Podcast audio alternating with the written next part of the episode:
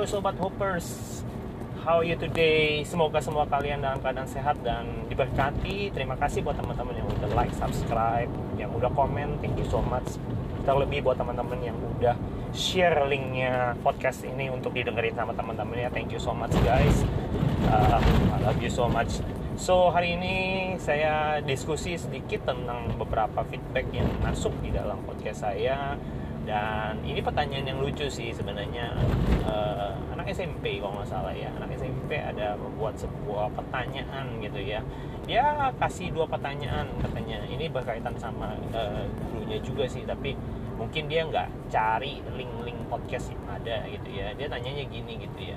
Uh, oh Fendi ini uh, sudah merit kan? Katanya iya saya bilang jawab sudah dia nanya kok kalau koko nyari istri kriterianya seperti apa? Itu pertanyaan dia pertama gitu. Lah aku bilang kan aku udah merit kok cari istri lagi? Gitu ya.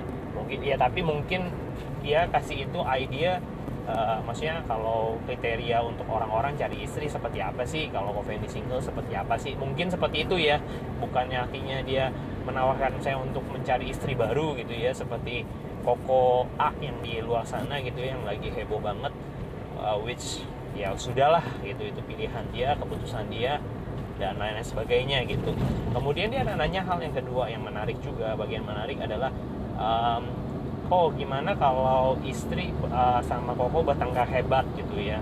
Waduh ini ini anak mengajukan pertanyaan yang memang benar-benar kontroversi banget. Yang pertama eh, apa kriteria untuk cari istri? Yang kedua kalau bertengkar hebat ngapain gitu ya responnya gitu. Um, aku coba bikin beberapa part aja ya mungkin ya. Nanti uh, aku share buat teman-teman sekalian juga supaya kita semua sama-sama belajar aja tentang apa yang menjadi uh, pertanyaan ini gitu ya saya mulai dari pertama mengenai masalah uh, kriteria mencari uh, seorang istri atau pasangan hidup. Buat saya sebagai seorang laki-laki biasanya saya memastikan yang pertama kali saya memastikan bukan masalah masalah yang lain. Yang pertama yang saya cek adalah jenis kelamin itu ya. yang saya harus pastikan jenis kelaminnya. Saya tidak mau saya menikahi dengan orang yang sejenis dengan saya gitu jadi pastikan yang yang yang kita cek adalah uh, jenis kelamin gitu saudara-saudara ya sobat opers gitu. Jangan sampai kita menikahi uh, orang yang bergenre sama sama kita gitu punya seks yang sama dengan kita gitu. Kalau kita laki-laki ya otomatis saya pasti mencari perempuan gitu ya. Nggak mungkin saya mencari laki-laki untuk jadi istri saya gitu. Jadi saya bukan saya masih normal dan saya bukan tergolong di dalam uh, kelompok yang namanya LGBT gitu. Jadi ya itu yang menjadi concern saya. Jadi yang pertama pastikan jenis kelaminnya. Yang kedua saya selalu mencari yang seiman dengan saya pastinya gitu ya. Kenapa? Karena dengan kita punya iman yang sama biasanya kita bisa menyelaraskan visi kita ya pandangan kita.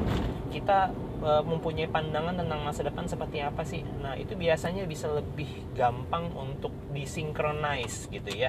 Kalau istilah bahasa Inggrisnya disinkronize gitu disamakan. Ya gitu. Jadi uh, saya mau uh, saya punya pandangan tentang masa depan saya tentang keluarga tentang bagaimana raise kids kemudian bagaimana saya mempunyai pola pengaturan untuk keuangan dan lain sebagainya. Pasti kita punya planning kita punya harapan kita punya gambaran tentang apa yang akan kita coba terapkan di dalam keluarga ini. Nah biasanya ketika uh, saya memiliki uh, pasangan hidup seiman itu pasti akan menolong saya banget gitu ya dengan tentang bagaimana saya membesarkan anak, bagaimana saya punya kalau punya pergumulan hidup dan lain sebagainya. Kita mau uh, kita di dalam ritme yang sama, pandangan yang sama, arah tujuan yang sama juga. Sama ketika saudara masuk ke dalam se uh, sebuah penerbangan, saudara pasti uh, maunya kita pergi ke tempat yang sama, tujuan yang sama. Saudara bisa bayangin kalau kita mau pergi, kita misalnya mau pergi ke Bandung, sementara pasangan kita maunya perginya ke Medan gitu. Kan nggak nyambung gitu. Bisa sih ke Bandung lalu ke Medan atau Medan lalu ke Bandung, tapi kan sangat-sangat e, membuang waktu gitu ya. Jadi arahnya aja beda gitu ya, tujuannya beda. Ya, jadi seiman itu penting untuk menjelaskan visi kita. Dan seiman pun juga e, menolong kita dalam menjalani setiap kehidupan. Dan saya percaya kehidupan manusia itu tidak pernah berjalan mulus. Ada pasang ada surut. Ada kadang-kadang baik ada kadang-kadang tidak baik. Nah kondisi ketika kita uh, dalam keadaan tidak baik kalau kita memiliki pasangan yang seiman itu bisa menolong kita untuk menangani masalah itu dengan cara yang sama. Kita berdoa dengan cara yang sama kita memohon dan datang kepada Tuhan Tuhan yang sama.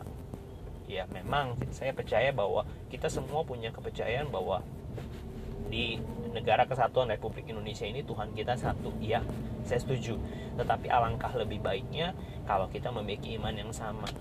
Ya karena saya percaya dengan iman saya dua tiga orang berkumpul sehati sepakat memanggil Tuhan Tuhan hadir di tengah-tengah mereka. Dan saya percaya itu gitu. Ya yang dimaksud dengan ayat itu adalah itu berbicara tentang sebuah family, berbicara tentang suami istri, kuasa di dalam kesepakatan. Ketika suami istri sepakat mencari Tuhan maka Tuhan pasti mendengar dan menjawab doa mereka. Nah itu itu yang yang yang jadi dasar pegangan utama saya untuk uh, memilih memilih seorang istri nantinya gitu ya. Dan ini saya sharing ya bukan saya memilih istri baru tidak tidak tidak dijauhkan itu dari Yesus. Yang ketiga yang selanjutnya tadi yang pertama apa? Jenis kelamin yang kedua seiman. Yang ketiga adalah sepadan. Nah ini penting di kejadian 2 ayat 18 ya kalau dilihat ya dilihat aja gitu ya. Jadi uh, saya mencari kesepadanan kesepadanan itu artinya um, saya dan dia memiliki sesuatu yang saling melengkapi itu saya tidak mau jomplang saya tidak mau segala hal sesuatu itu bergantung terlalu berat di kanan atau di kiri atau di uh, terlalu bergantung di istri atau terlalu bergantung di suami. Unsur kesepadanan itu adalah balance ya. Saya mempunyai kelebihan dan saya juga mengharapkan istri saya juga punya kelebihan. Kelebihan istri saya akan menutupi kekurangan saya dan bagaimana kelebihan saya bisa menutupi kekurangan istri saya. Itu yang di di di di, di, di persepsi saya adalah kesepadanan. Ya, bukan hanya sekedar unsur pendidikan, cara berpikir dan lain sebagainya. Dan saya pikir itu juga menjadi salah satu tolak ukur barometer juga yang selanjutnya gitu ya selain kesepadanan.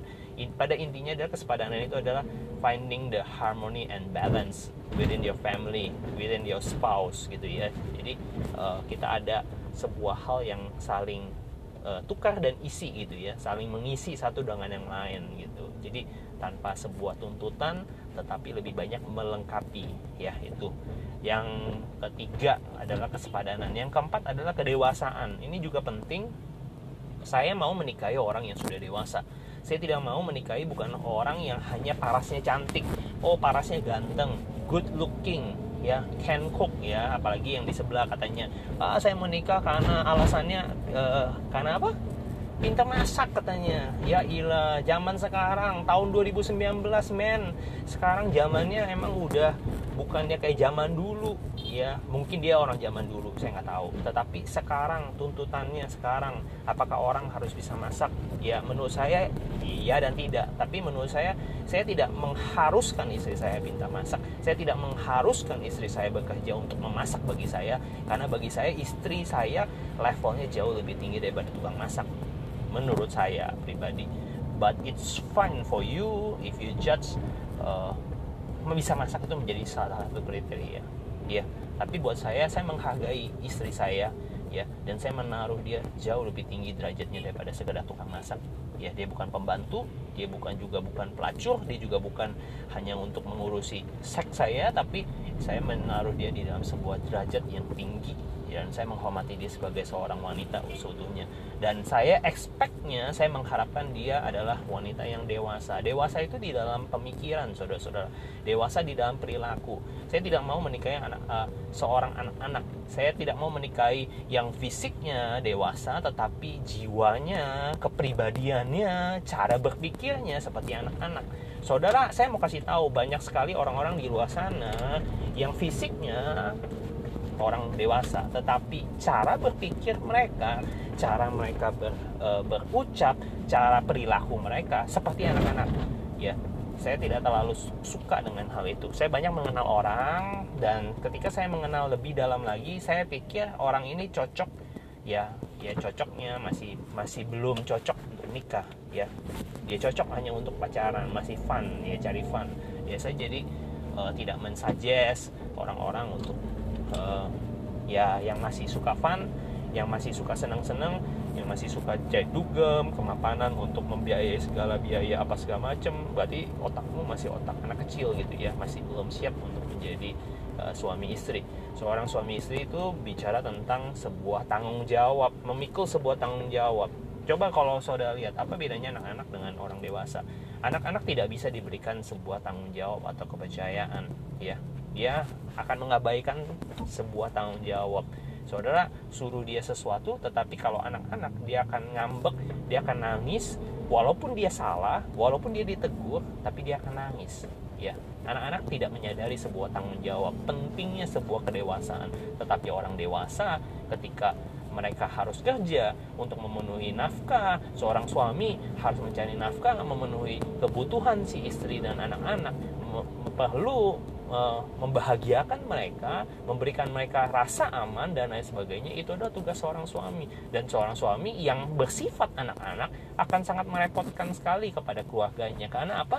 Karena si suami ini hanya akan beralasan oh saya tidak bisa ini, saya tidak bisa itu, oh zaman susah dan lain sebagainya. Tidak ada alasan buat orang dewasa. Orang dewasa tidak banyak mencari alasan. Orang dewasa akan mencari kesempatan orang dewasa akan mencari sebuah solusi menjadi sebuah solusi di tengah masalah bukan mencari kesempatan untuk ngeles gitu ya.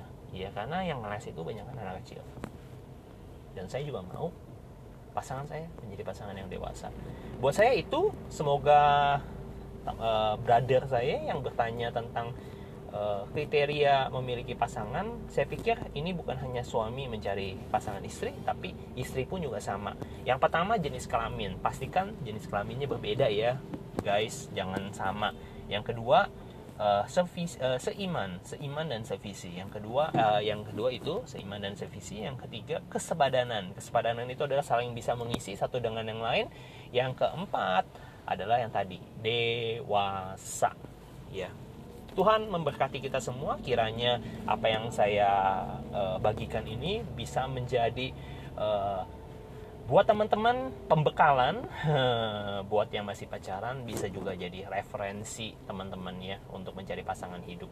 Tuhan memberkati kita semua. See you in the next episode guys and God bless you all Hoppers family. Bye bye.